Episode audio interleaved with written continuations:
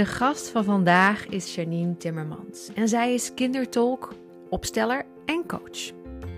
En we zijn echt on fire deze aflevering, want we raken thema's in het moederschap die echt universeel zijn en die velen van jullie denk ik wel zullen herkennen. Nou, vanuit haar begin als moeder vervolgen we ons gesprek naar hoe je kind jou kan spiegelen. En Janine legt uit dat het echt de moeite waard is om je hier bewust van te worden. Want even heel kort door de bocht, van het ongewenste gedrag van jouw kind, zoals wij het bestempelen, kun jij ontzettend veel leren. Want vaak is het namelijk een reactie op jouw onverwerkte thema's. Bijvoorbeeld perfectionisme. Dit is een thema dat heel vaak te maken heeft met jouw innerlijk kind. Hoe dat precies zit? Hm, luister maar. Hey, welkom Janine. Ontzettend leuk om jou ook in de podcast te hebben. Nu ben ik blij met elke gast. Maar we hebben eigenlijk al nou, een dik uur voor we de opnameknop ingedrukt hebben, hebben we al gekletst. we ontmoeten elkaar voor het eerst eh, online. Maar echt heel erg leuk en veel raakvlakken. En uh, nou, ik kijk er heel erg naar uit om dit gesprek met jou te hebben. Welkom. Ik ook, Janneke. Heel leuk. Heel leuk. Ik heb er zin in. Nou, heel fijn. Hey, de eerste vraag, Mama's Beginnings. Hoe is jouw begin als moeder geweest? Ja, ik, ik wist natuurlijk dat deze vraag ging komen. Dus ik heb er. Uh, dan, dan ga je ook echt een beetje terug in de tijd, weet je wel? Ja. Um, en hoe was mijn begin als moeder? Um, ja, ik, ik, alles. In de zin dat. Uh, uh, ik heb, ik heb een dochter en een zoon. Mm -hmm. Mijn dochter is de oudste. En toen zij geboren werd, nou, was ik meteen, meteen echt dol verliefd op haar. Ja, wat mooi. Um, ja, ja. ja, dat is heel fijn om dat gevoel te ja. hebben. Echt dat gevoel van, nou nu ga ik er lekker op doorzwijmelen hoor, maar echt dat gevoel van wat ze in, in romantische comedies van jij bent het, weet je wel? Ja, echt de echte roze wolk liefde, zeg maar. Ja, maar nou, nou roze wolk gaat.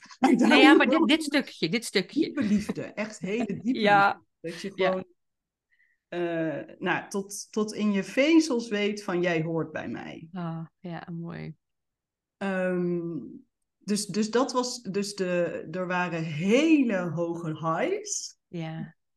Maar ook wel hele diepe lows. Ja. Um, uh, dus, dus nou, ik, ik, ik was helemaal verwonderd over dat, dat, er, uh, dat ik een levend wezentje met alles erop en eraan en, en hoe dat allemaal werkte en dat, dat ik dat op de wereld had gezet. Ja. En nou, ik heb uh, toen, toen mijn dochter geboren werd, volgens mij een paar nachten niet geslapen. Oh, jeetje. Um, dus um, uh, ja, ik denk dat ik was hyperalert. Ja. Um, en kwam dat dan door de bevalling of door de hormonen? Of hoe, hoe, is dat, hoe kwam dat? Ik denk ook, ja, dit is speculatie hoor, maar ja. ik denk ook wel de hormonen dat ik toch wel, dat die, ja, die nou, ik weet niet of het nou adrenaline is. Wat, nou, ik weet het niet. Endorfine, adrenaline. Ik, ik, maar ik denk dat ik er best gevoelig voor was, inderdaad. Mhm. Um, en uh, dat wist ik niet voordat ik kinderen kreeg, maar ik ben hyperalert. Ah, dus dat. Um, uh, de, de, ik, ik was ook best angstig. Dus dat, Mhm. dat speelde zeker mee. Dus ik. ehm, eh, nou, we hadden al in ons gesprek een uur van tevoren verteld dat we heel graag het eerlijke verhaal vertellen. ja, ja. Ja, er waren heel veel hele mooie kanten en ook wel heftige kanten. Dat, ehm, eh, en ik, ik heb later gelezen dat bijna 100% van de moeders dit heeft. Maar ik had Mhm. dus echt. ehm, eh, nou, mijn kind is een herfstkind, dus we hadden kruiken. Ehm, dat vond ik echt doodeng. Ik zag dan dus echt voor me dat die kruik open ging. Oh, ja. Of, Echt een eh, intrusieve gedachte had je ook. ja, ik had echt Ja. intrusieve gedachten. Ja. En ook... ehm, Wat ook heel normaal is trouwens. Ehm, Heel normaal en, en ja. eh, heb ik allemaal later gelezen. Maar het heeft ook een functie. Hè? Dus het maakt je wat alerter, zodat je je kind nog meer gaat beschermen. ja, Dus in die zin is het natuurlijk. Ehm, maar ik vond dus ineens heel veel dingen eng. Ook ja, eh, met mijn kind boven aan de trap staan, weet je wel. Ik dacht van, oh ja, hoe ga ik nu naar beneden? En Ja. eh, eh, de verantwoordelijkheid overviel me nogal. ja. Dat je ehm, eh, zo intens veel houdt. Oh, ik voel me ook emotioneel worden. Ja. Lekker, we zijn een paar minuten bezig. ja, het raakt zo. Ja, maar het, het is iets wat zo intens op dat moment ook is. Dat vergeet je niet. Je lichaam onthoudt dat ook. Ja.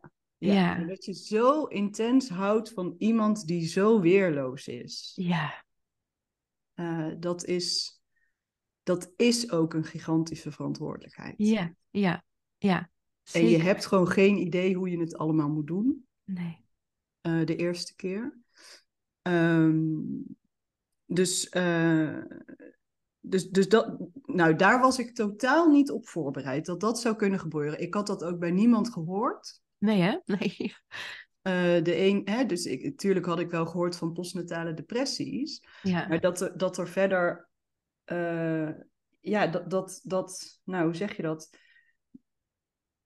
Nou, ik weet niet eens of ik het mentale klachten zou noemen, maar dat, dat dit soort emoties eigenlijk Ja. heel normaal zijn en horen Ja. bij het moederschap. Nou, Ja. nog nooit gehoord. Dat is echt wat je zegt. Ik, ik heb ook zo'n realisatie nu van, oh ja, je hoort vaak of echt het depressieve stuk. Ik heb een postpartum depressie gehad.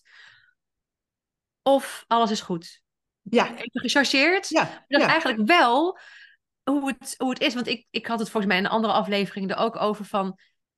Hebben mensen mij verteld dat het zwaar zou kunnen zijn?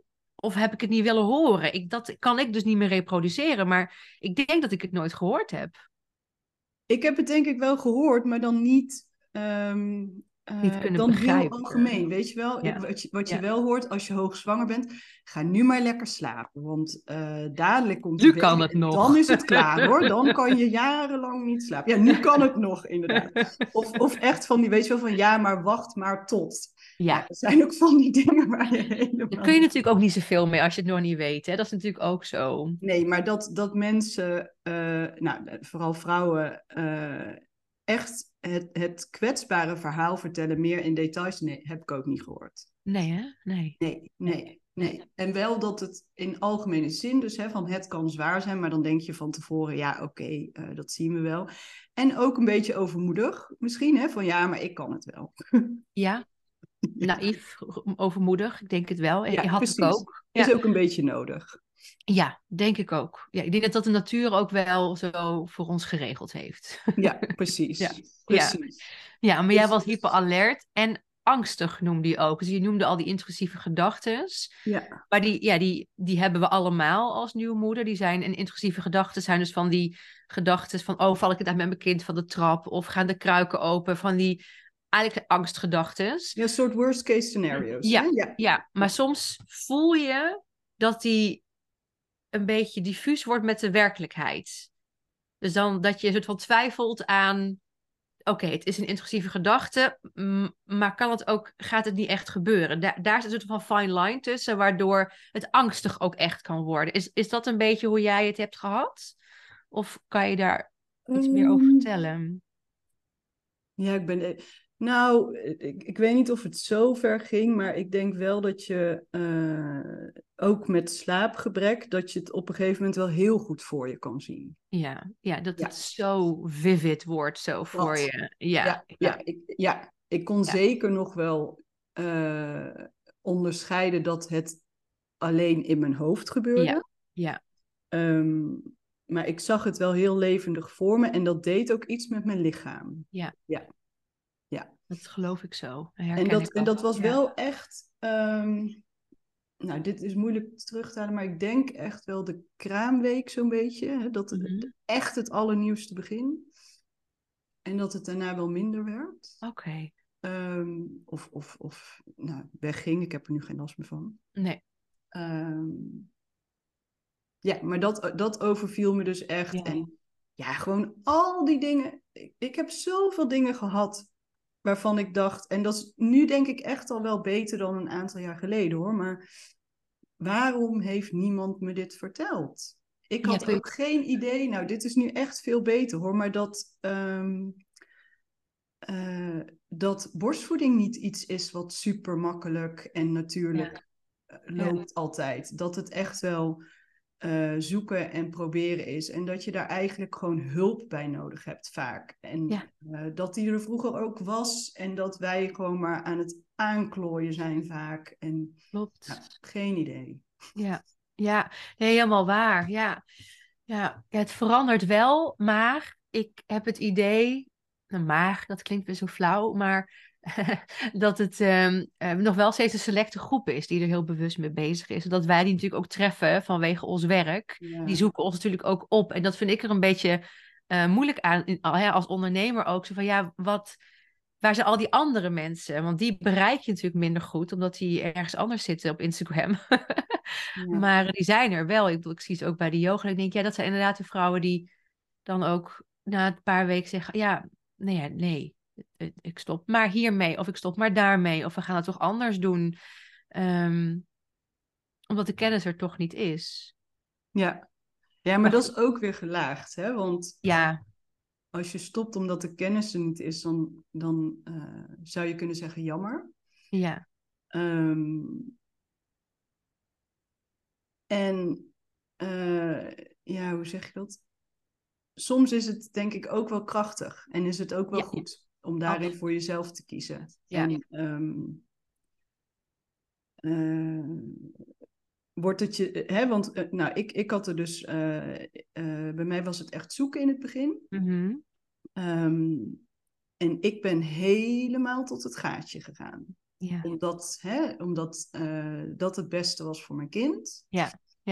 Ja, want er zit ook weer een overtuiging onder. Want dit moet ik dus dan ook doen. Ja, en, en Ja. dit moet ik doen. En als ik het niet doe, dan ben ik aan het falen. Ja, Dan Ja. ben ik, nou, ik Ja. weet niet of ik dan zou zeggen, dan ben ik een slechte moeder, maar dan doe ik mijn kind tekort. ja, ja.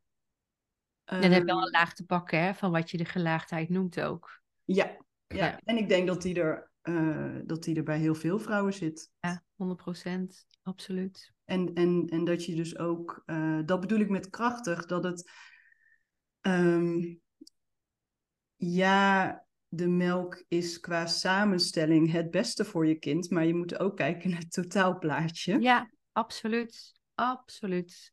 Ehm, ja, en, en ja, dan achteraf, nou goed, ik, ik, ben, ik ben blij met hoe het is gegaan. Ja, Ehm, eh, maar ik ben wel best, ik, ik heb mezelf, hoe zeg je dat? Ik ben niet ontzeggend geweest voor mezelf als moeder. ja maar wat Eh. heb je jezelf laten doen?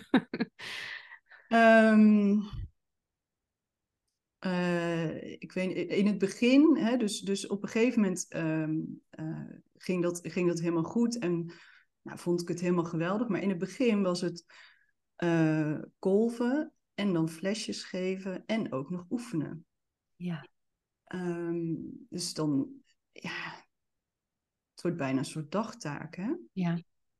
Ja, ik denk dat dat door veel herkend wordt. Ja, En ehm, eh, nou ja, ik, ik kan me nog wel herinneren, zo'n gevoel van dat je ook eigenlijk geen moment rust hebt. Want dan ehm, nou, ging ik dus een eh, kolven en een flesje geven. En dan moet je daarna die flesjes ook nog schoonmaken. En nou, weet je wel, dan, dan zit je alweer aan de volgende ronde, zeg maar. ja.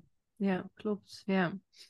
Ehm, dus ja, ik had mezelf achteraf wel echt, echt anders gegund. Ja. Ja, ik was zo hard voor mezelf. En ehm, ja, vanuit de overtuiging dat, ehm, ja, dat je het goed moet doen. ja.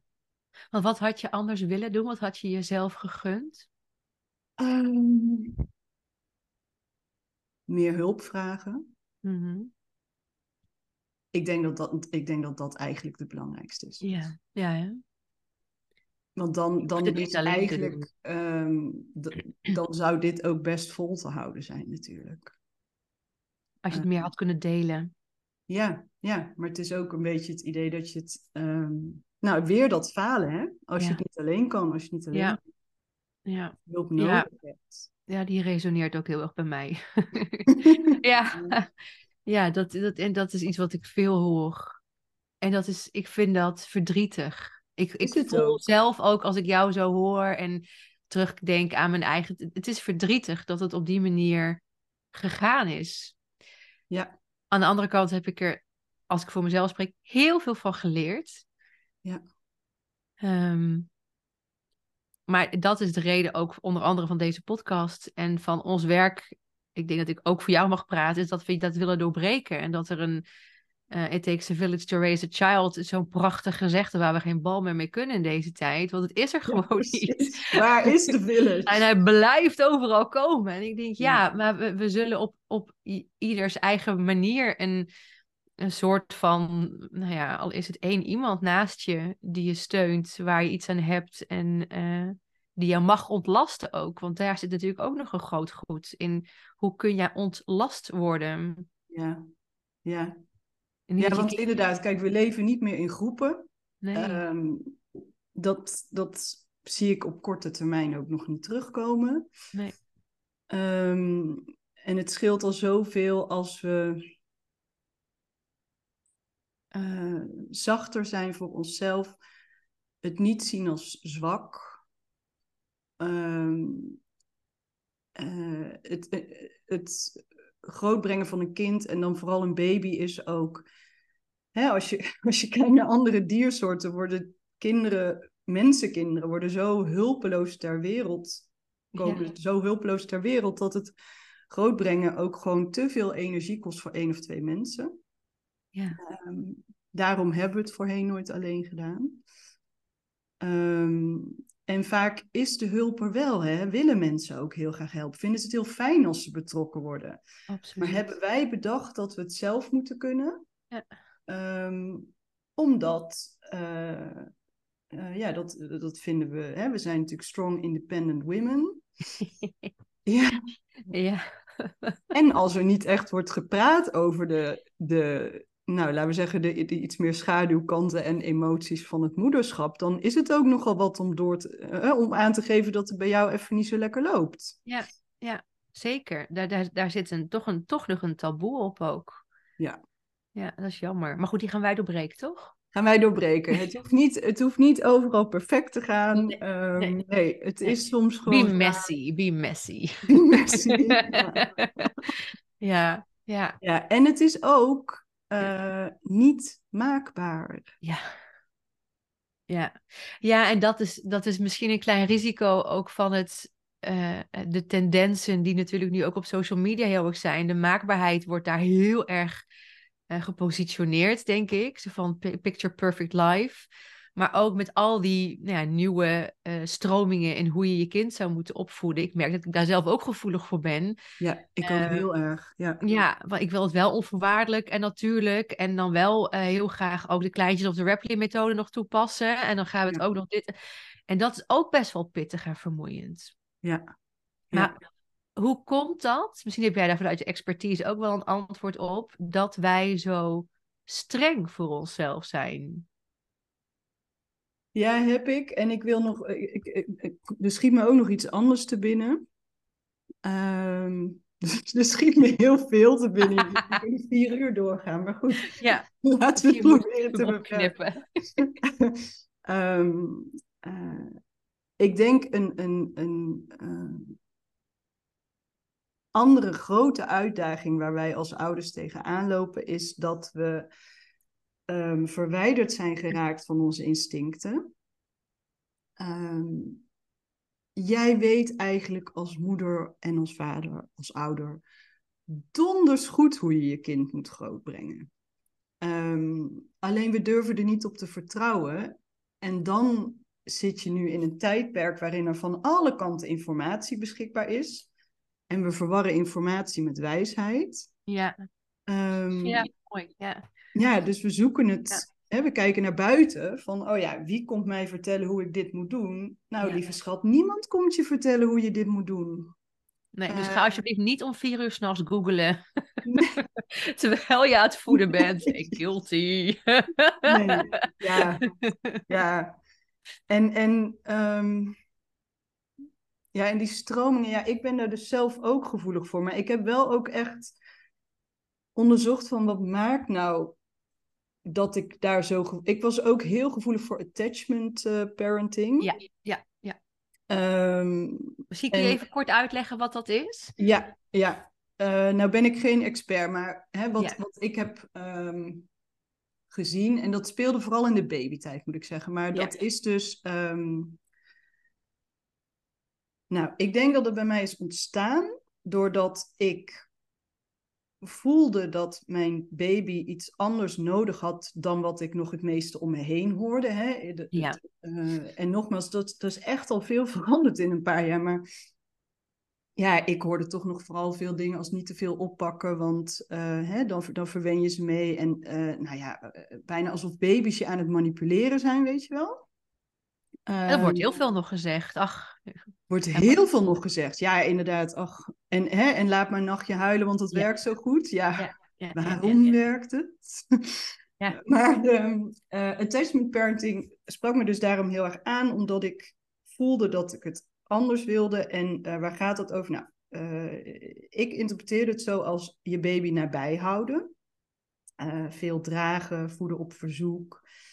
Ehm, eh, sommige mensen nou, eh, vinden ook samen slapen heel belangrijk. Ehm, en ehm,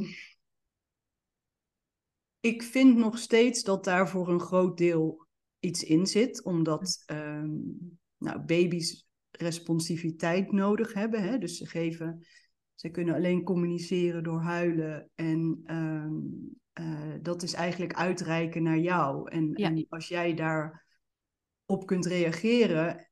En dat hoeft niet in één keer goed. Dat mag met gissen en missen. Maar dat je in Ja. ieder geval laat weten dat je, dat je met elkaar in communicatie bent, zeg maar.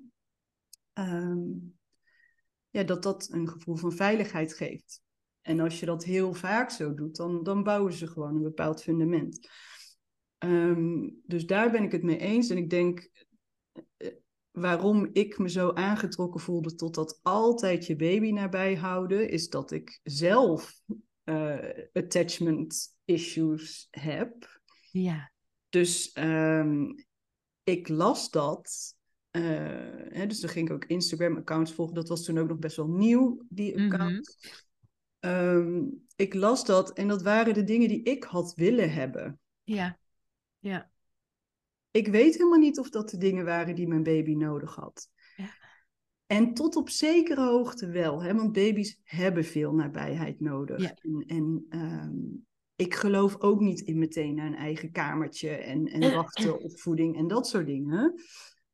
Ehm, maar ja, ik weet niet of ik een baby heb die zoveel nabijheid nodig had als, als, als ik wilde. Als jij, ja. Ja, als, ja, Ja. precies. Ja, Precies. ja. Dus Dan, Ja. ehm, ik was me nog onbewust op dat moment van eh, dat het mijn eigen wond was die daar sprak. Mhm. Dan ehm, kijk je naar je kind door de bril van je eigen kindspijn. ja, ja. En dan zie je ze dus niet echt. Nee. Ehm, en dat is voor mij, ik- misschien is dit voor meer mensen herkenbaar, maar dat is in ieder geval wat er voor mij gebeurde bij al de stromingen. Ja, Ehm, en toen mijn kinderen wat ouder werden, toen eh, wilde ik heel graag gentle en positief opvoeden. Dat was dan eh, helemaal, eh, hè? Ja.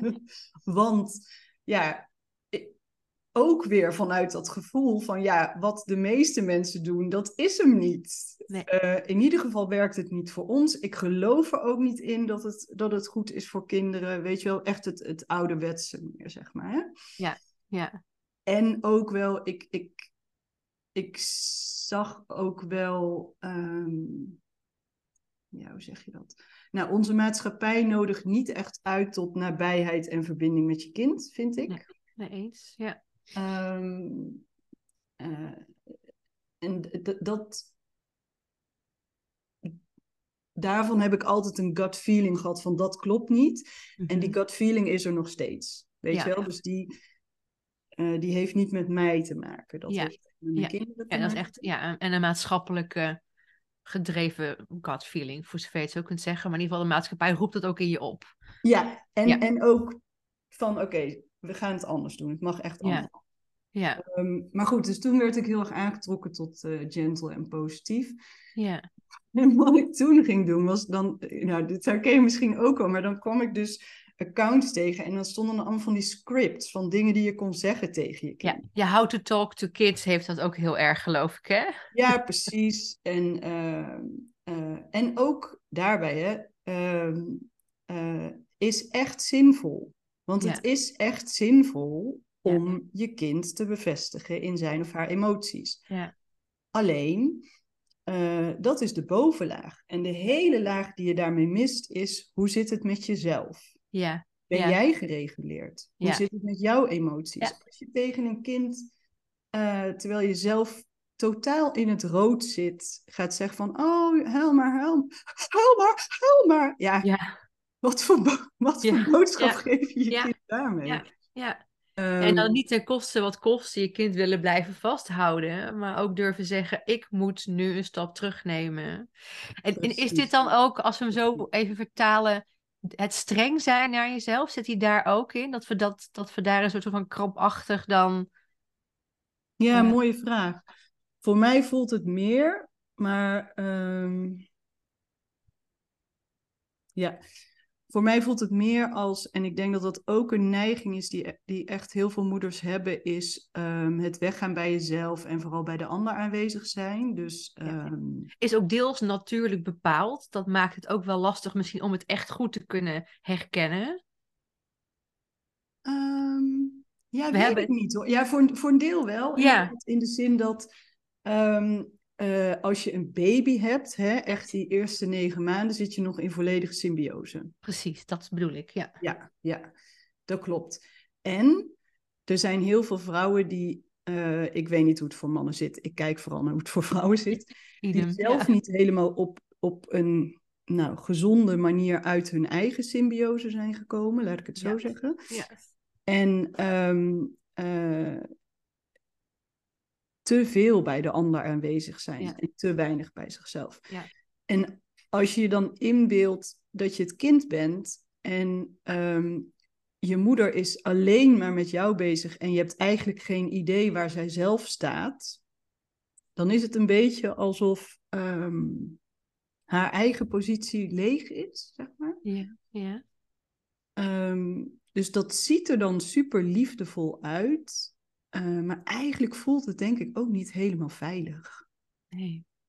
Ehm, en dit is natuurlijk een beetje, ja, nou je kan het op verschillende manieren zien, maar laten we zeggen de please-neiging die veel vrouwen hebben. Ja.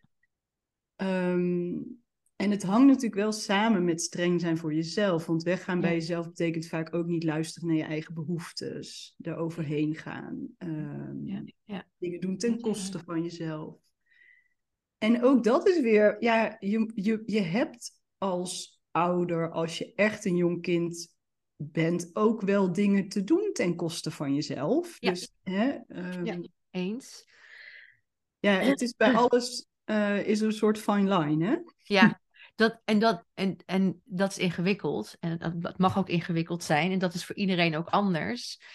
Eh, maar daarom is het zo fijn om ook deze verhalen te horen en deze informatie te krijgen. Want ik ben heel benieuwd, hè, als je nu ook luistert, resoneert dit bij je? Wat roept dit bij je op? En wat herken je in jezelf? Want ehm, nou, ik denk dat het een mooie brug ook is naar wat spiegelt je kind jou? Daar, gaat, daar hebben we het natuurlijk al even over. Maar ja, wat roept het gedrag van jouw kind in jou op? Wat is jouw neiging? Welke, welke beweging maak je naar je kind toe? Welke houding heb je? En waar ben jij zelf in, in die situatie? Dus, ja, dus dat is even een mooie eh, reflectie zo midden in de, in de podcast. Ja. Ik voelde hem ook al aankomen, inderdaad. Van, oh ja, nu komen we op het spiegelen. Ja, Ja. Hè? ja we gaan er zo automatisch naartoe. Nou ja, want dat is, nou ja, als ik gewoon jouw Instagram profiel lees en, en, en lees wat jij schrijft, ehm, bij mij zit er zoveel herkenning. En ik heb een strong-willed dochter eh, met fix veel temperament, waar ik onwijs van geniet. En met momenten ook niet. Maar zij spiegelt mij ook enorm in, Ja.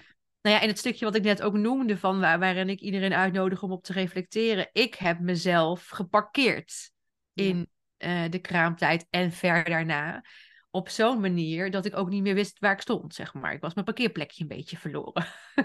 Ja. En wat mijn dochter mij spiegelde, en nog steeds spiegelt, is: ga voor jezelf staan.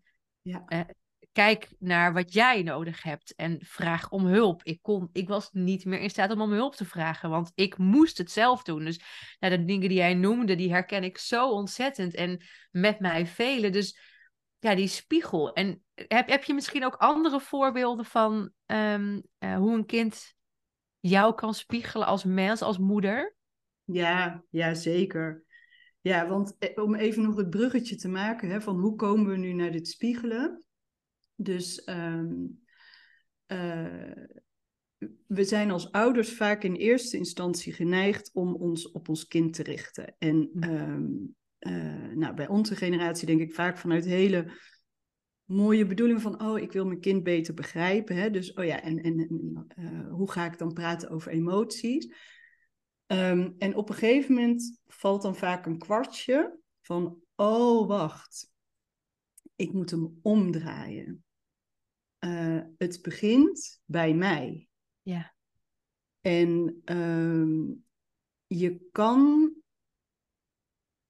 voor je kind ruimte bieden, zover als je voor jezelf ruimte kan bieden. Ja.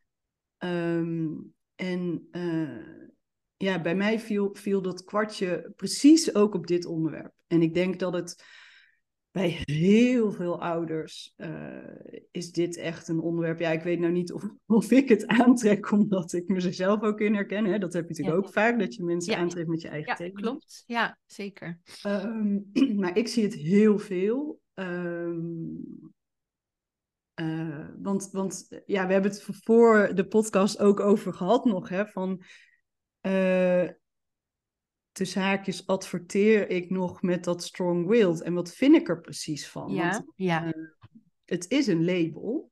Ja. Ehm, en het is een spiegel. Ja. En eh, een spiegel die, die heel veel eh, speelt en die precies is wat jij zegt. Dat Ja.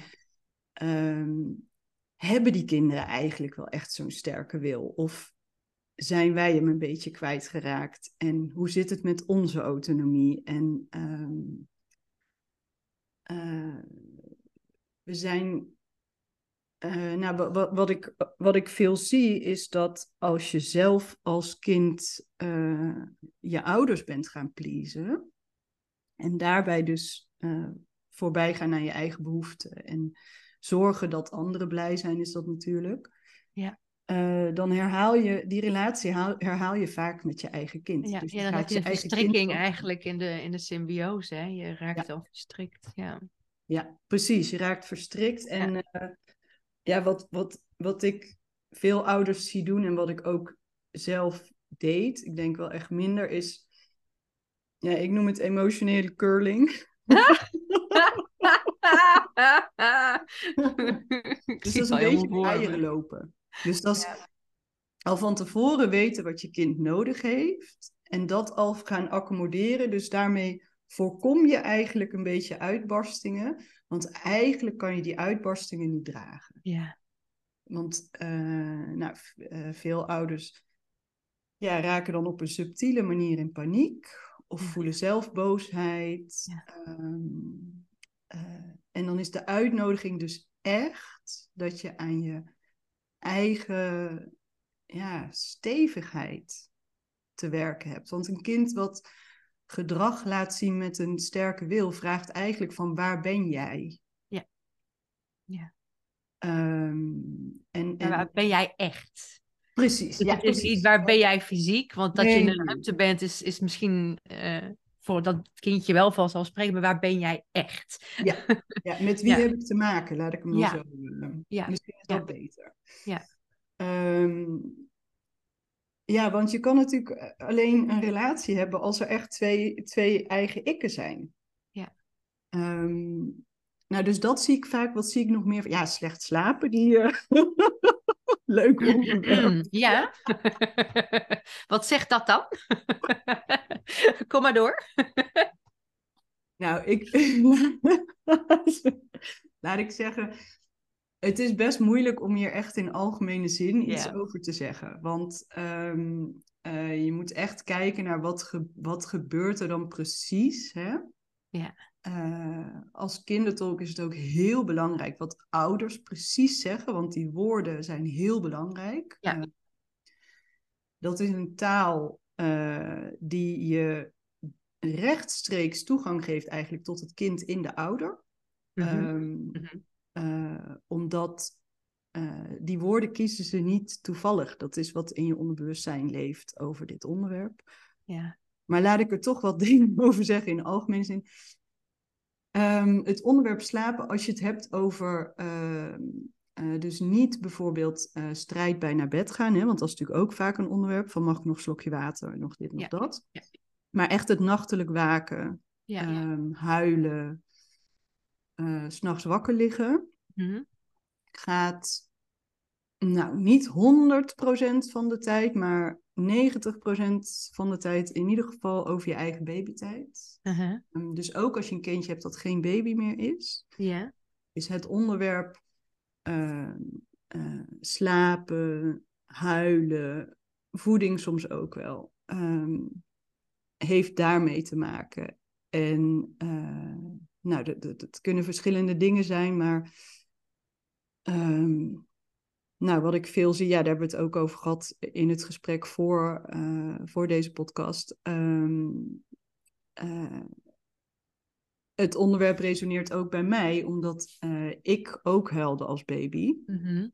Um, en toen best lang alleen ben gelaten. Ja, vertelde je. Ja. Um, wat toen nog echt heel veel voorkwam. Het was gebruikelijk, ja. Gebruikelijk was het Ja. advies. Ja. Um, gaat natuurlijk volledig tegen je instinct in, maar um, nou, ook dat is natuurlijk weer, hè, als je zelf verwijderd bent geraakt van je instinct en je gaat, je vraagt, je kijkt naar de buitenwereld om hulp, zeg maar. En, en iemand die je, nou, in die zin hoog in achting hebt, die zegt, uh, dat is beter Ja. en je wil het goed doen, Ja, dan doe je ga je dat. dat opvolgen. Ja.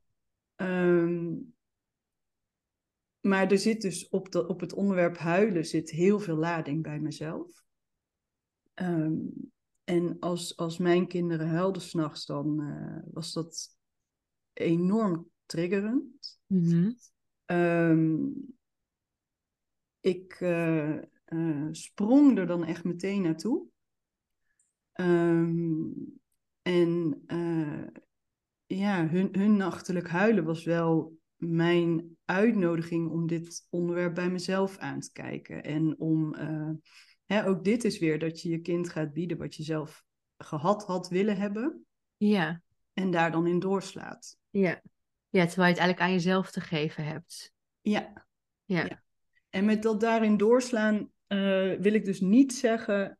Uh, uh, niet vanuit mijn eigen wond, maar meer echt weer vanuit dat instinct ben ik geen voorstander van uh, wel laten huilen. Ja. Al kan ik me dus wel voorstellen dat het um, ook op dit onderwerp kan je wel begrenzen op een gegeven moment. Ja. ja. Um, zonder dat je dus je kind alleen hoeft te laten huilen, weet je wel. Maar het gaat een beetje, denk ik, om de beweging die je maakt. Dus ik maakte meteen zo'n hele moeder-gans-beweging. ja. Dus er zat heel veel lading op die reflex. Er zit geen beeld bij, maar je, je bent een soort van omhullende beweging aan het maken. ja. ja. Een van containment bij je houden, dat. Dat. Ja. Ja, en, en, en een beetje ja, verstikken, te weinig ruimte bieden. Als je heel eerlijk bent. Ja. Um, en op die manier zie ik dit thema veel. Dus hè, we zijn natuurlijk uh, met veel die um, ja. bij wie de lading zit op huilen. Ja. Um, het zij dat je, dat je er alleen in bent gelaten. Het zij dat je iets ouder was en uh, ja, hoeveel kinderen hebben niet te horen gekregen van uh, niet huilen, stil, maar het valt wel mee. Misschien zelfs, hè, doe niet zo dramatisch. Of... Ja. Alles komt goed. Ja. ja. ja. ja. ja. Uh, vanuit het, het ongemak van ouders als hun kind niet gelukkig is. Ja. want wij moesten vooral heel gelukkig zijn. Ja, heel belangrijk. Ja. En uh, nou goed, vanuit hele goede bedoelingen. Hè? Ja. Ehm, ja, dus dat, dat zie ik vaak. En um, ja, ook hier zitten heel veel lagen hoor. Want wat je ook ziet is, uh, wat ik ook veel zie, is dat uh, veel nachtelijk waken. Um, ja, nou, als je een ouder bent met hele sterke overlevingsmechanismes, dan is er soms ook grof geweld nodig om die te breken. Ja. En, Als ouder. Bij de ouder dan ook. Precies, ja. ja. ja, ja, ja, En uh, nou ja, we weten het allebei. Een tijd lang heel slecht slapen is echt grof geweld op je gestel. Dan breek je wel. Absoluut. Op een gegeven moment. Ja. En uh, ja, bij sommige ouders is dat denk ik, nou ja, nodig, weet ik niet. Maar ja, uiteindelijk een blessing in disguise. Mm om weer echt dichter bij jezelf te komen. Want ja. uh, vaak is de persoon die je voor dat breken was, is iemand die uh, nou ja, aan elkaar is geplakt van overlevingsmechanismes. En dan dondert dat kaartenhuis in één keer in elkaar. Ja. Ja. En als je echt vanaf de bodem weer gaan uitzoeken van wie ben ik dan? En dan blijkt dat heel vaak heel iemand anders te zijn. Ja, want inderdaad, hoe je dat zegt, is heel mooi. Want die, die overtuigingen die je had, zo was ik, zo functioneerde ik. Dat, dat, zijn, dat waren hele functionele overtuigingen. Die hebben je ook geholpen en gediend voor een tijd. Ja. Maar, en ik denk dat dat ook de matrecentie is. Het moeder worden, al die hormonen, alle veranderingen, alles wat op je afkomt. Zeker als je een ja, pittig kind, ja, hoe, hoe ontlabel je het? Dat vind ik het al een beetje lastig. Ja, maar ja, als je een pittig kind hebt met een, met, een, met een intens gedrag die jou triggert, hoe, ja, hoe ga je dan? Want eigenlijk wat jij doet is, je bent kindertolk, maar eigenlijk vertaal je het gedrag van het kind naar de wond, de kwetsuur die in de ouder zit. Ja. Oh, ja, ik formuleer het denk ik niet nee, helemaal lekker. Je formuleert het precies zoals het is. Ja, ja want het, het gaat natuurlijk om het gedrag van het kind waar wij moeite mee hebben. Maar het gaat over onszelf. Ja, en het dat is, natuurlijk, het, het is niet. Um, ik, dit vind ik ook echt, nou, bijna een soort gewetensvraag hoor. Van, uh, ja, er is wel gedrag natuurlijk. Ja. Hè? En Ja. ehm, eh, ja, ik zei al van, ik twijfel, ik twijfel over dat label, omdat ik, ja, het is een label en met labels kun je dingen vastzetten. Hè? Dus eh, taal heeft creatiekracht. Ja. Eh, tegelijkertijd is ehm, het, het helpende daaraan is dat het voor ouders herkenning biedt. Ehm, en, en, want als jij dat zegt, weet ik precies waar je het over hebt natuurlijk. Dan, Ja. hè, je kan een kind bijna uittekenen. Er zit natuurlijk ook een risico in, hè? Maar, Ja. ehm, Of heel nou, het is wel heel fijn dat je niet alleen bent met dingen. Ja, En ehm, ik denk dat het helpend is als het een, een startpunt is voor een zoektocht ja, niet een eindpunt. Ehm, en wat ik eh, doe, onder andere met kindertolken, ehm, maar ook met familieopstellingen, eigenlijk met alles wat ik doe, is. Ja. ehm, eh, mijn idee is dat eh, om naar het nieuwe ouderschap te komen, hebben we echt op een nieuwe, andere manier te kijken naar onze kinderen en naar onszelf. En dan is het gedrag is echt het bovenlaagje. ja, En we zijn natuurlijk gewend daar. Hè, eh, eh, vroeger ging, ging ja, het woord opvoeden alleen al, weet je wel. Waar hebben, ja, hebben we het over? Alsof je een, een puppy moet gaan dressuren. Of nou, weet je wel wat ik bedoel? Van... Er zit een groot verschil in. We hebben het allebei recent meegemaakt. Tenminste, vier jaar geleden kregen wij een pup en tweeënhalf jaar geleden een baby. Is no such thing. Het is niet vergelijkbaar. Nee, precies, precies. Maar we hebben het wel heel lang zo gedaan. Van, Nou, als je dit doet, krijg je een koekje. En als je dat Ja. doet, ga je in de hoek. Ja, zeg maar dankjewel. Zwaai maar lief gedag. Ja, Ja, nou doe precies. maar een kunstje. Maar dit is helemaal van, hè, jij hebt als ouder gewenst gedrag en daar Ja. moet je dan op aansturen. En als je kind dat gedrag vertoont, dan doe jij het goed als ouder. Ja. Want dan heb je een goed opgevoed kind. Exact, ja. ja en, daar, en Eh. daar wordt natuurlijk ook mee gedweept. Dat, het is heel Ja. belangrijk om een... Ik, ik voel zelf ook nog steeds, als mijn dochter ergens is eh, in de openbare ruimte en het is eigenlijk best wel netjes en ze rent en ze keet en ze doet, heb ik heel erg de behoefte om haar stil, kom Ja. zitten, rustig, mensen vinden het vervelend. Oeh, daar komt heel erg die pleaser in mij ook naar boven. Terwijl in mij is het ook nu een beetje de rebel die denkt, hé, het is een kind. het is moeilijk. Ja, en wie is er nou gek, hè? Zij of wij? Ja, ik vind Ja. zij, maar zij vinden ik. En zij zijn met meer, dus dat is heel spannend. Nee, maar, oh ja, nee, maar ik bedoel, eh, de kinderen of de volwassenen. Nou Ja, ja, is ja, ook ja, ja. volwassenen Een beetje gek.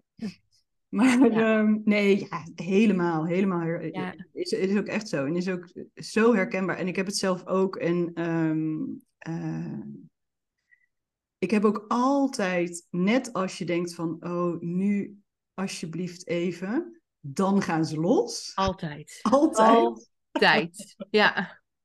En dan, en dan bij dat oude eh, opvoeden, hè, wat dus heel erg op gedrag zit, krijg je dan ook vaak een soort dreigement. Weet Ja. je wel, van als je je kind niet onder controle hebt, ja, dan, dan gaat het gewoon niet goed. Dan Ja. groeien ze op voor galg en rat. ja. Dan ben je een slechte moeder.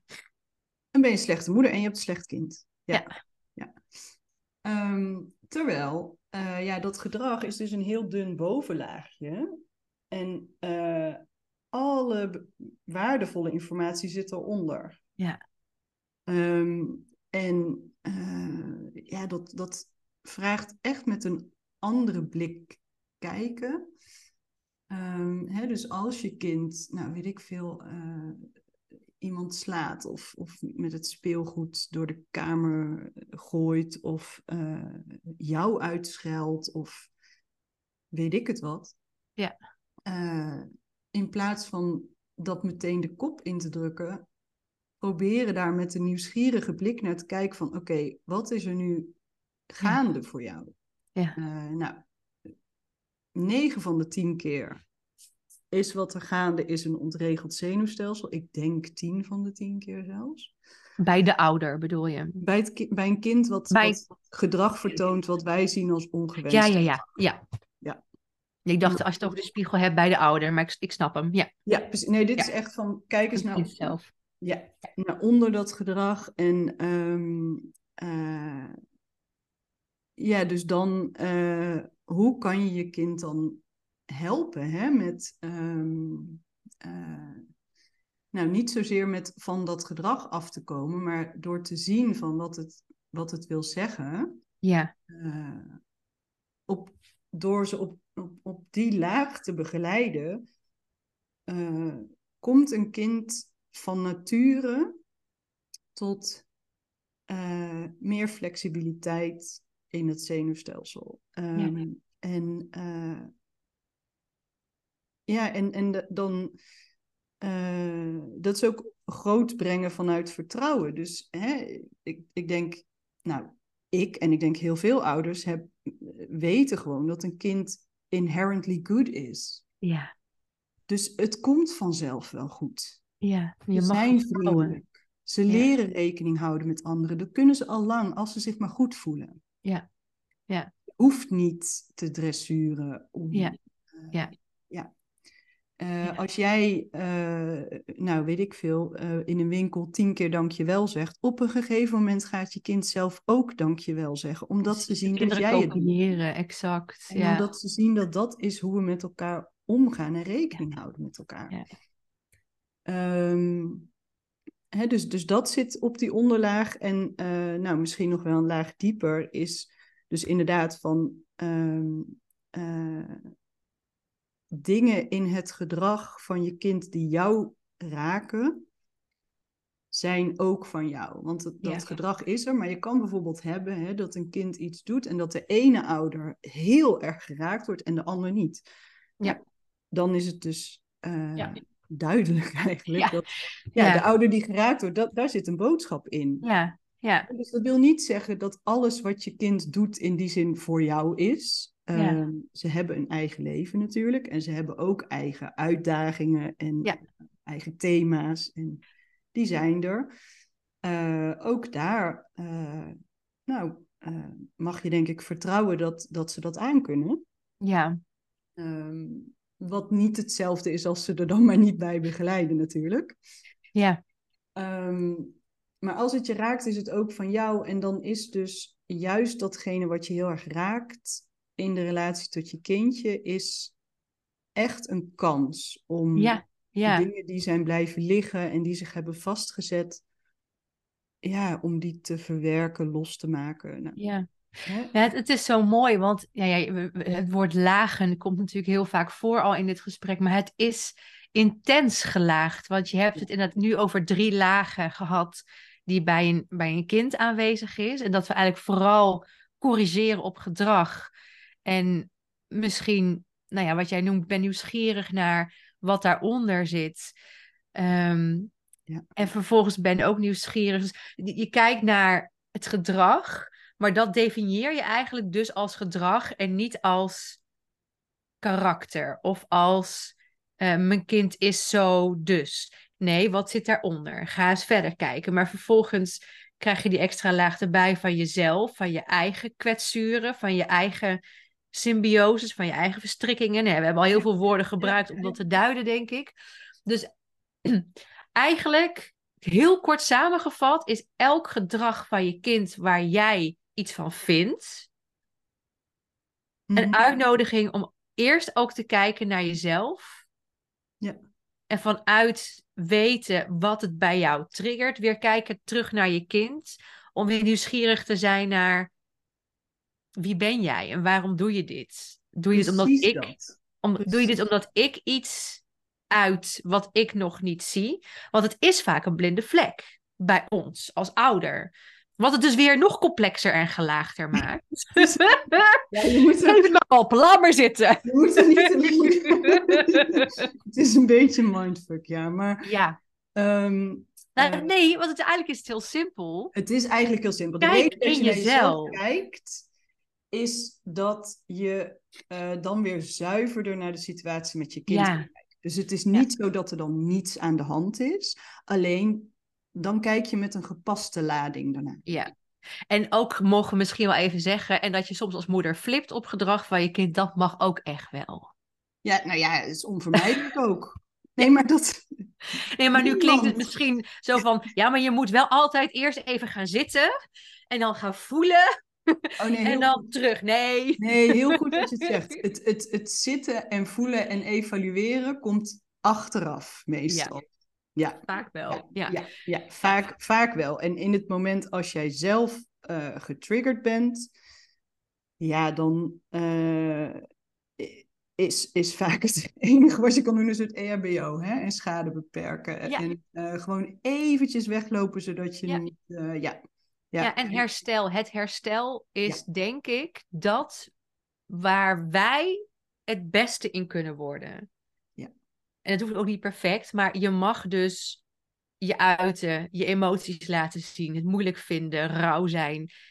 En vervolgens, doordat je evalueert, reflecteert, dan alleen, dan wel met je partner, dan wel met je kinderen. Laat, laten we wel weten, je kunt ook reflecteren met je kinderen op hun eigen niveau. Maar als je erop terug kunt komen, dan, dan heb je hem, denk ik.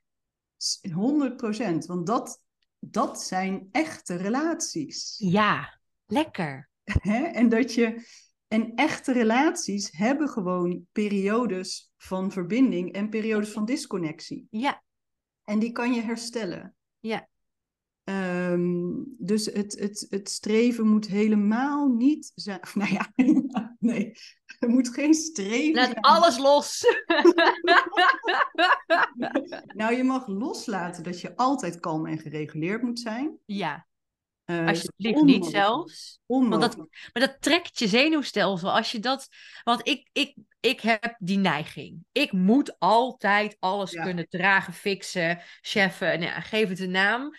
Uh, en mijn zenuwstelsel is natuurlijk ook met mijn depletie behoorlijk ontregeld geraakt. Ik zit alleen maar in dat sympathische stuk. En mijn ontspannings, mijn rempedaal is soort van een beetje losgeschroefd geraakt. En dat, die, die deed het niet meer zo goed. Ja. Um, maar ja, ik zit even te denken, waar wilde ik ook alweer naartoe met mijn... Want ik kom in een soort vuur terecht. ik denk, ik ben mijn clue even gereguleerd hoeft te zijn en kalm. Exact, ja, ja. En dat het heel gezond is om niet gereguleerd te zijn. Omdat je dat niet altijd kunt. Nee, nee. En... Letterlijk. Uh, we hebben... Uh, we hebben gereguleerd gelabeld als goed. Ja. En gedisreguleerd gelabeld als slecht. Ja. Terwijl, ehm, en, en kijk, als je, als je meer in het rood zit dan niet, dan is er, nou, ik, ik doe even tussen aanhalingstekens misschien werk aan de winkel, hè? Ja. Ook gewoon om een fijner leven te kunnen hebben. Ja. ja. Um, maar uh, uh, je zenuwstelsel heeft de functie om jou te laten overleven en om te reageren op uh, invloeden van buitenaf. Dus, dus ja. um, uh, dysregulatie is bijvoorbeeld ook als jij buiten in de vrieskou gaat staan en je begint helemaal te bibberen, dan, dan is je systeem ook niet relaxed. En dat heeft een functie. Ja. Um, en ook als jij, uh, als je kind iets doet en je, je voelt gigantische boosheid, ja die heeft dus een functie. Ja. In de zin dat er wordt iets heel ouds geraakt. En jouw lichaam neemt het over omdat het het idee heeft dat het jouw leven moet redden, beschermen. En, uh, en dat er misschien, hè, dat, dat de boosheid een vuurtje is om, om uh, ja, je wat meer autonoom te voelen. Uh, en alsof je invloed, hè, want het zit natuurlijk heel vaak machteloosheid ja, ja. van als je heel klein bent en niks kan doen. En dan is ja, zo'n vuurtje van boosheid is ook wel uh, lekker in zekere. Ja, zeker. Alleen wat wij heel vaak niet hebben. controle terug of zo? Of is dat misschien niet zo? Ja, nou ja, controle of... of, of regie. Regie, regie. Ja, ja regie. Ja. En we hebben natuurlijk weinig voorbeelden van uh, boosheid uiten op een gezonde manier. Ja, ja. ik niet. Ik ook niet. Ik denk, nee. ik denk eigenlijk niemand. Uh, dus ik ken alleen uh, afreageren, hè? dus ja. uh, stem verheffen, deuren smijten, ja. of, of naar binnen keren ja. en wegdrukken. Ja. Um, en de boosheid voelen in je lijf en, en met gepaste lading, hè? want soms is gepaste lading echt nodig? En, en ja. klopt het niet om heel kalm te zeggen dat je grens wordt overschreden? Stop, hou op. Ik vind, ik vind het, niet meer leuk. Janneke, stop, hou op. Ik vind ja. het niet meer leuk. Nee, ja. natuurlijk niet. Ja, mijn dochter doet het soms wel. Stop mama, dan stopt ze de hand zo letterlijk in mijn mond. Zo, stop. Mama, stop! Ja, maar, dat is toch, maar even serieus, dat is toch geweldig? Dat is fantastisch, hè? Ja. Ik ben al zo trots op haar dat ik niet kan stoppen, want ik, ik wil dat ze nog een keer doet. Dat is eigenlijk heel, heel onaardig. Want... Maar dat is toch zo'n gezonde manier van je eigen grenzen aangeven? Ja, ja, ik denk dat zij daar best wel goed in is. Ja, nou ja, ja. Ik denk, ja, ik denk eh, eh, veel kinderen. En dan maakt het zoveel uit hoe wij ermee omgaan, hè?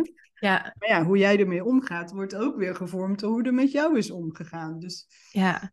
Um, want dat ja. zit er natuurlijk ook nog bij. Um, uh, je kind kan ook nog allerlei dingen, nou misschien als je het visualiseert, nog een laag dieper van, oké, okay, laten ze iets zien uit je familiesysteem of iets van. Absoluut. Welk verhaal zit daaronder? Je ziet gewoon soms dat kinderen bij wijze van dingen uitbeelden van twee, drie generaties terug. Ja, ja. Ja.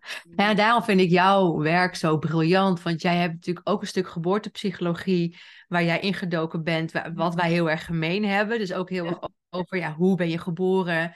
Hoe welkom was je?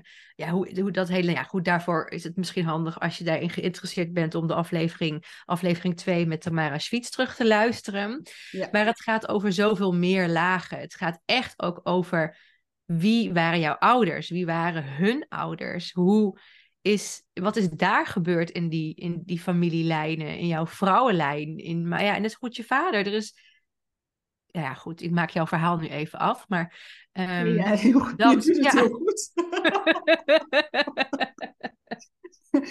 nou ja, wat ja, je- er is veel.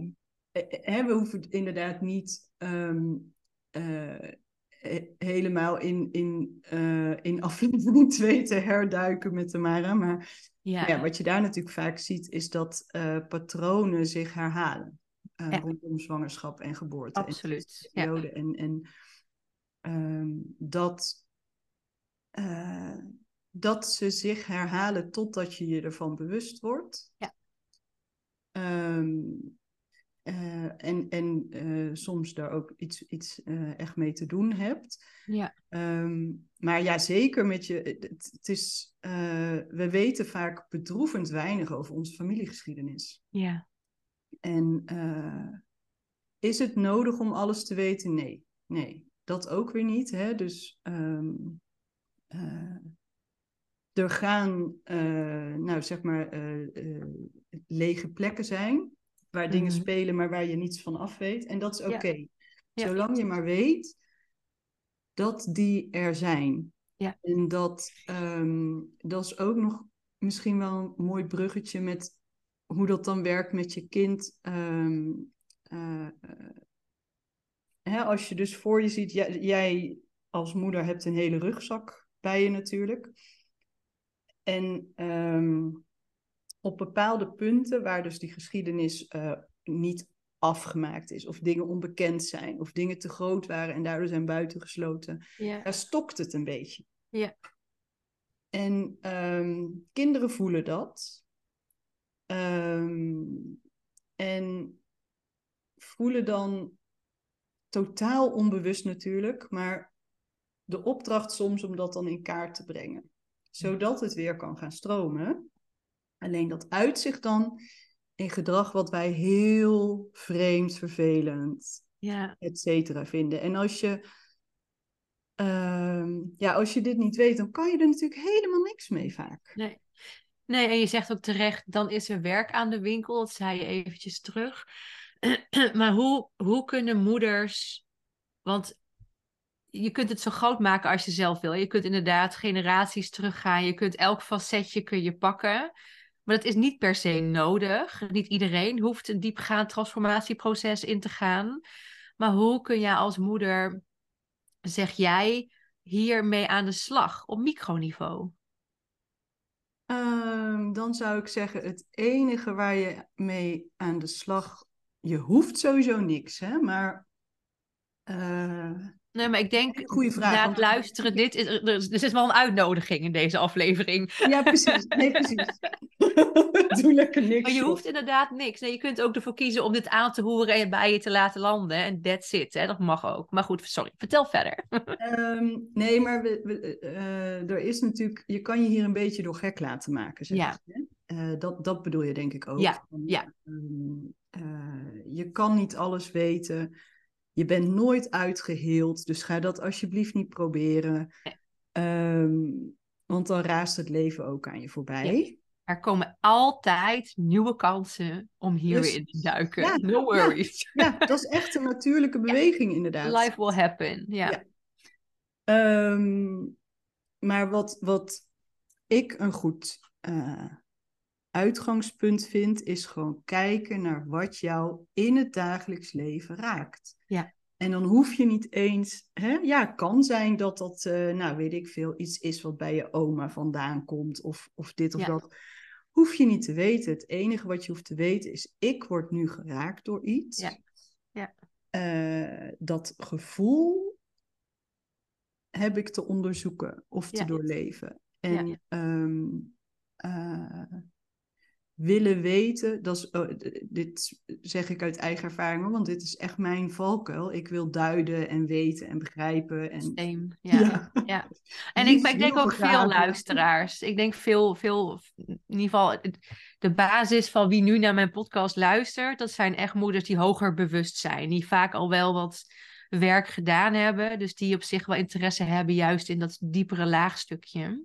Ja, precies. Ja. En dat willen duiden is dus ook echt een valkuil. Ja. Ehm, ja, hoe zeg je dat? Omdat de wijsheid zit in het niet weten vaak. Ja. Oh ja. Ik vind het heel mooi wat je zegt, want ehm, ik kreeg, ik stelde mezelf heel vaak de vraag: hoe leer ik loslaten? Ik weet nog dat het een hele erge mm. struggle werd op een gegeven moment voor mij, omdat ik heel erg voelde, dat, is, heb ik het over jaren geleden, dat ik heel erg controle willen hebben, is echt mijn, mijn grootste valkuil. En dat ik om vier uur s'nachts voedend, oei, ik groei besteld, dat is eentje die ik wel vaker noem. Ik wilde dat boek niet kopen, maar ik, mijn mind wilde duidelijkheid, wilde regeltjes, wilde ritme, wilde structuur, wilde zekerheid krijgen, alsof zo'n boek dat gaat bieden. Totale onzin natuurlijk, maar mijn mind had bedacht, dat heb ik nodig. Maar jaren hiervoor weet ik nog, dat ik daarmee ook aan het worstelen was. was in mijn coachopleiding. Volgens mij was het aan het einde van mijn masterjaar. En mijn trainer zei tegen mij, Janneke, je hoeft het eigenlijk allemaal ook niet te weten, hè? En dat was voor mij, ik krijg elke keer kippenvel, nu ook weer als ik het zeg. Het is iets heel kleins. Het, is, was, het was zo'n Eureka-moment voor mij. Ja. Terwijl, dit, heb ik honderden, e-, honderden keren eerder gehoord. Maar soms, en dit is precies ook wat jij eerder zei, soms heb je eh, die herhaling zo vaak nodig voordat hij eindelijk een keer binnenkomt. Voor mij was, ik hoef het niet te weten, was een manier om mezelf toestemming te geven om los te laten. Ja. En dat was zo krachtig. Ja. Daar heb ik nog steeds profijt van. Ja, maar dat is ook een, een, een vertrouwen op het leven, hè? Ja, ja.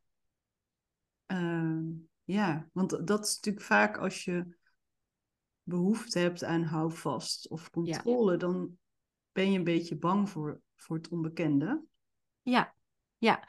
En als moeder is dat denk ik iets wat best wel, zeker als je je overweldigd voelt, best wel aan de hand ook is.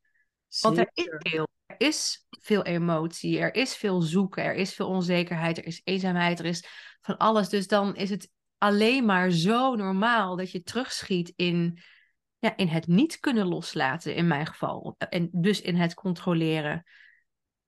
Ja, maar ik, ik, ik snap het heel goed. En bijvoorbeeld ook ehm, als je een baby hebt, hè, dat, je, dat je er maar op moet vertrouwen dat jouw melk genoeg is, bijvoorbeeld.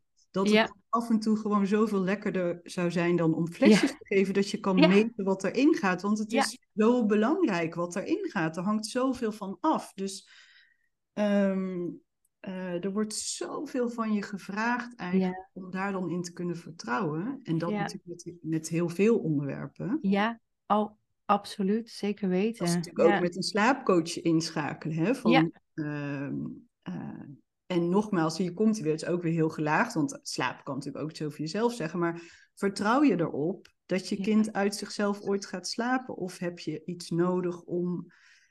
Uh, nou, ik denk dat, dat zoiets bijvoorbeeld ook heel vaak al voor ouders werkt, omdat ze dan in ieder geval het idee hebben dat ze iets doen en dat ze iets aan het doorbreken zijn. Ja. En dat geeft ook een gevoel van uh, ja, is het regie weer. Regie. En, en zou het dan ook de uitnodiging zijn om te zeggen, doe eens niets?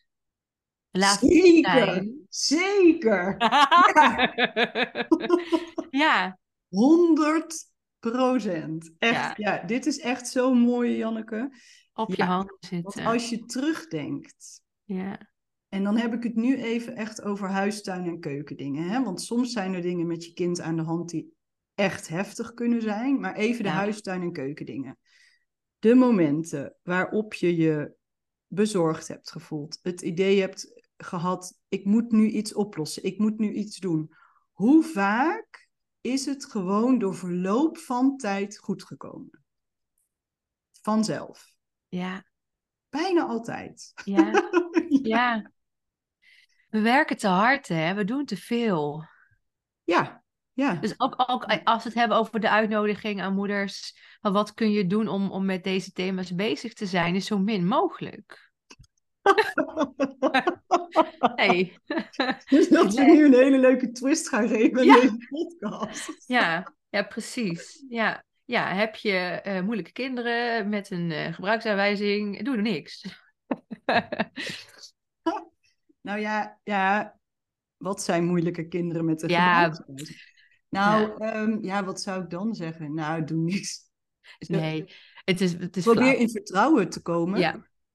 Uh, en uh, nou, weer terugkomend op waar we het in het begin ook over hadden, bij je eigen intuïtie, je Ja. eigen wijsheid. En dan, Ja. dan nou, ik, eigenlijk, dan weten ouders wel wat er nodig hoe doe je dat? Als jij in je overleefstand staat? Ja, dat is nog niet zo makkelijk. Nee. Ehm,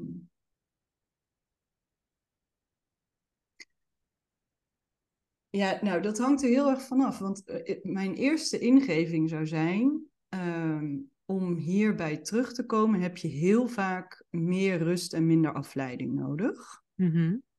Hè, we hebben veel te veel prikkels, veel te veel afleiding voor het zachte stemmetje van binnen. Ja. Ehm, alleen, ja, als jij echt een eh, heel geactiveerd zenuwstelsel hebt, dan kan het best zijn dat meer rust voor jou helemaal niet werkt. Dat je dat niet eens kunt. Dat je dat niet eens kunt, sterker nog, Ja. dat, het, dat het misschien echt niet, niet per se goed voor je is Ja. om eh, Ja. echt stil te gaan liggen en te mediteren. Ja. Dus er is geen one size fits all. Hè? Het, kan, het kan best zijn dat voor jou, eh, dat je, weet ik veel, moet gaan boksen om, om Ja. te leven. Ja. Ja, wat dan ook. Zeker, ja. Wat dan ook. Ehm, dus nou, ik kan daar niet in algemene zin iets over zeggen, maar ik zou iedereen aanraden, echt iedereen, om zich te verdiepen in het zenuwstelsel. Gewoon te trial and error wat voor jou werkt. Ik heb er een masterclass over. Ik zit ineens te denken. Dus een stukje daarvan in mijn masterclass die, eh, die ik van de zomer gemaakt heb. Daar, daar leg ik inderdaad ook uit wat het parasympathisch, sympathisch zenuwstelsel is, hoe dat werkt en wat je kunt doen om dat weer enigszins in verbinding te brengen. Maar dat, dat werkt, werkte toen toe naar mijn eh, Holiday Home Retreat, wat echt een, een audiocursus was met heel veel visualisaties. Maar ook ehm, niet alleen maar stilzitten en liggen eh, en, en niks doen, maar ook wandelen bijvoorbeeld. Ja. Maar Nou, dat, dus lieve luisteraars, de masterclass Ja, koop de masterclass, ja. Masterclass. Hey. en ehm, eh, eh, ja, maar nou, dus dan zou ik zeggen, om het even simpel te maken, hè, naast koop de masterclass van Janneke. Ja. Zorg voor je zenuwstelsel en Ja. Eh, haal ruis weg waar je kunt. Ja. Eh, en vertrouw op jezelf, want je Ja. kan. het. Ja. ja, absoluut. En als jij het niet gelooft, bij deze, wij geloven het wel. Zeker weten. Ja. ja. Nee, want dat is wel echt iets, 100%. Iedereen heeft het in zich. En dat zeiden we ook inderdaad voor de podcast. Ja, er zijn ook echt mensen die psychiatrisch iets hebben, die het misschien minder in zich hebben. Ehm, maar ja, iedereen heeft iets in zich waardoor het kan. Waardoor jij ook dit kunt. Ja. ja. En iedere ouder doet wat hij kan met wat hij heeft en in de tijd waarin hij leeft. Ehm, eh, als je meer zou kunnen geven, zou je het doen. Ja. En Doet het niet fout. nee, nee, nee, nee. Iedereen heeft dit instinct en deze intuïtie. En als je hem niet voelt, dan zit er iets voor. Dat betekent niet dat het er niet is. Exact, dan blokkeert iets. Ja. Ja. Ja. Nou, en, en, en misschien afrondend nog mooi om te benoemen dat ja, je ook echt bij ons allebei terecht kan. Wil je hier eens even over brainstormen? Ja.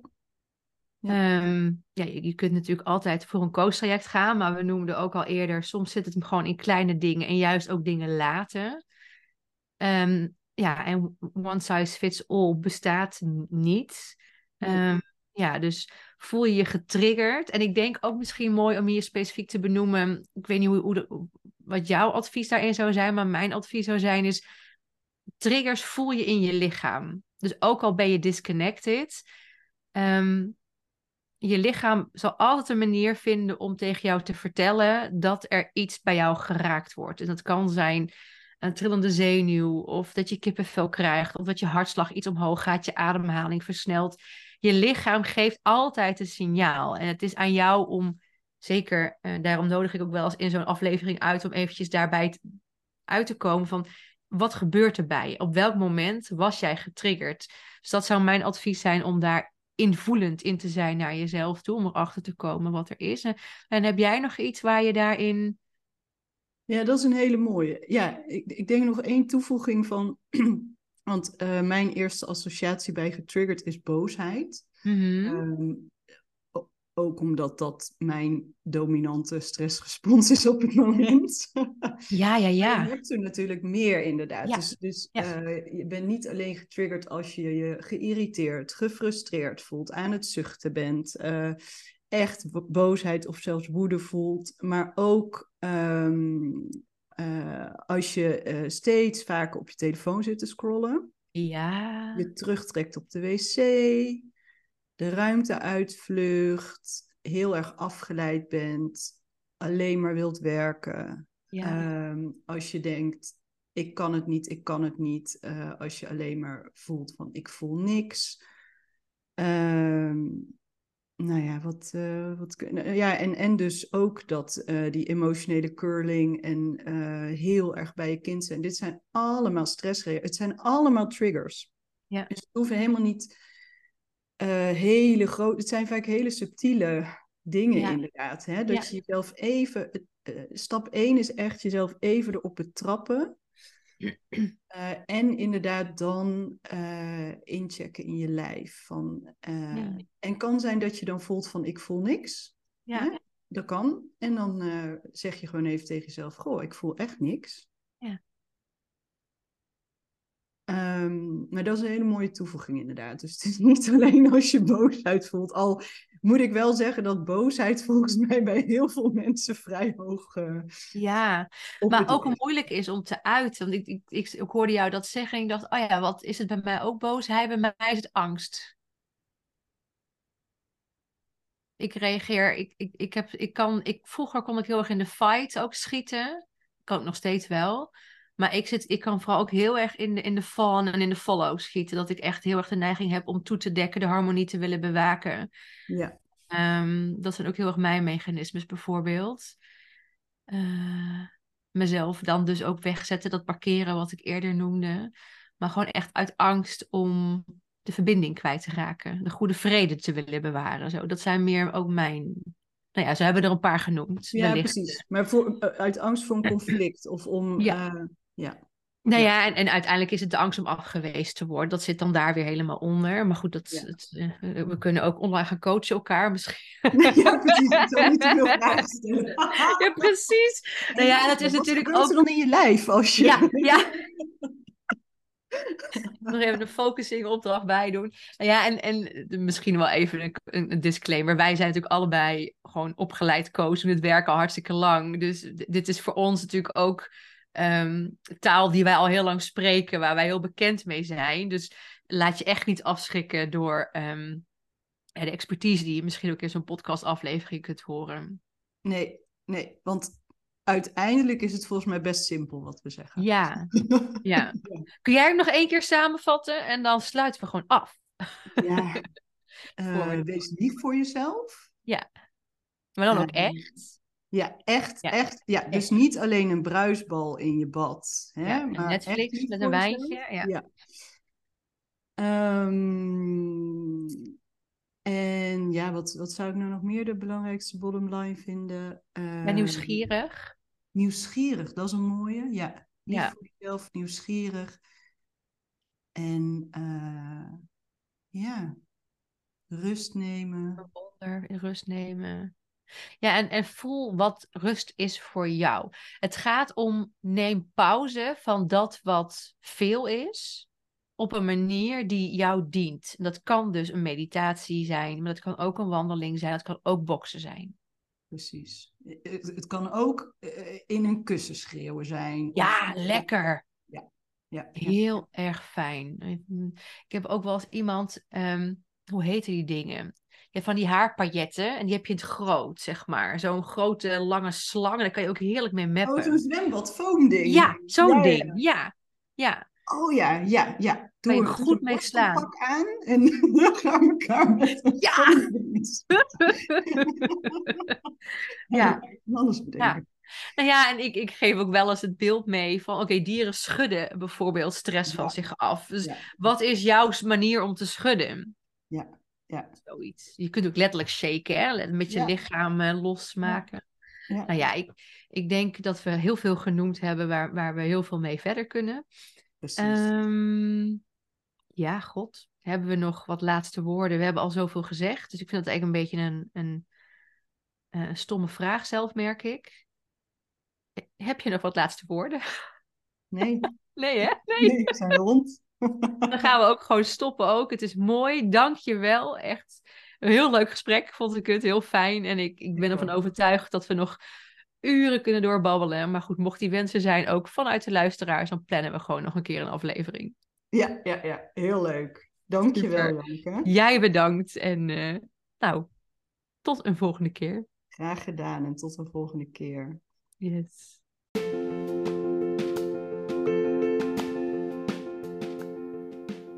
Herken jij je in wat we delen in deze aflevering? En ervaar jij ook wel eens die overwhelm en oververmoeidheid in het moederschap? Dan heb ik een unieke kans voor je.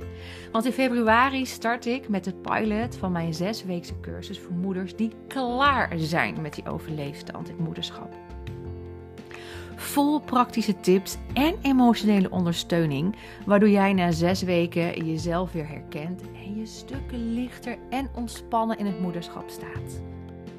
En de pilot is beschikbaar voor maar 10 moeders.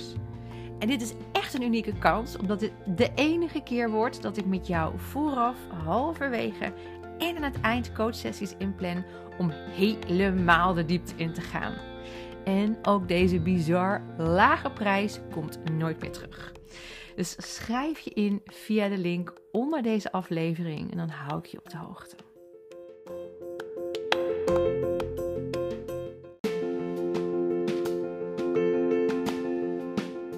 Bedankt dat je luisterde naar mijn podcast. Ik hoop dat jij uit dit gesprek iets kan halen dat voor jou mooi of een nieuw inzicht geeft.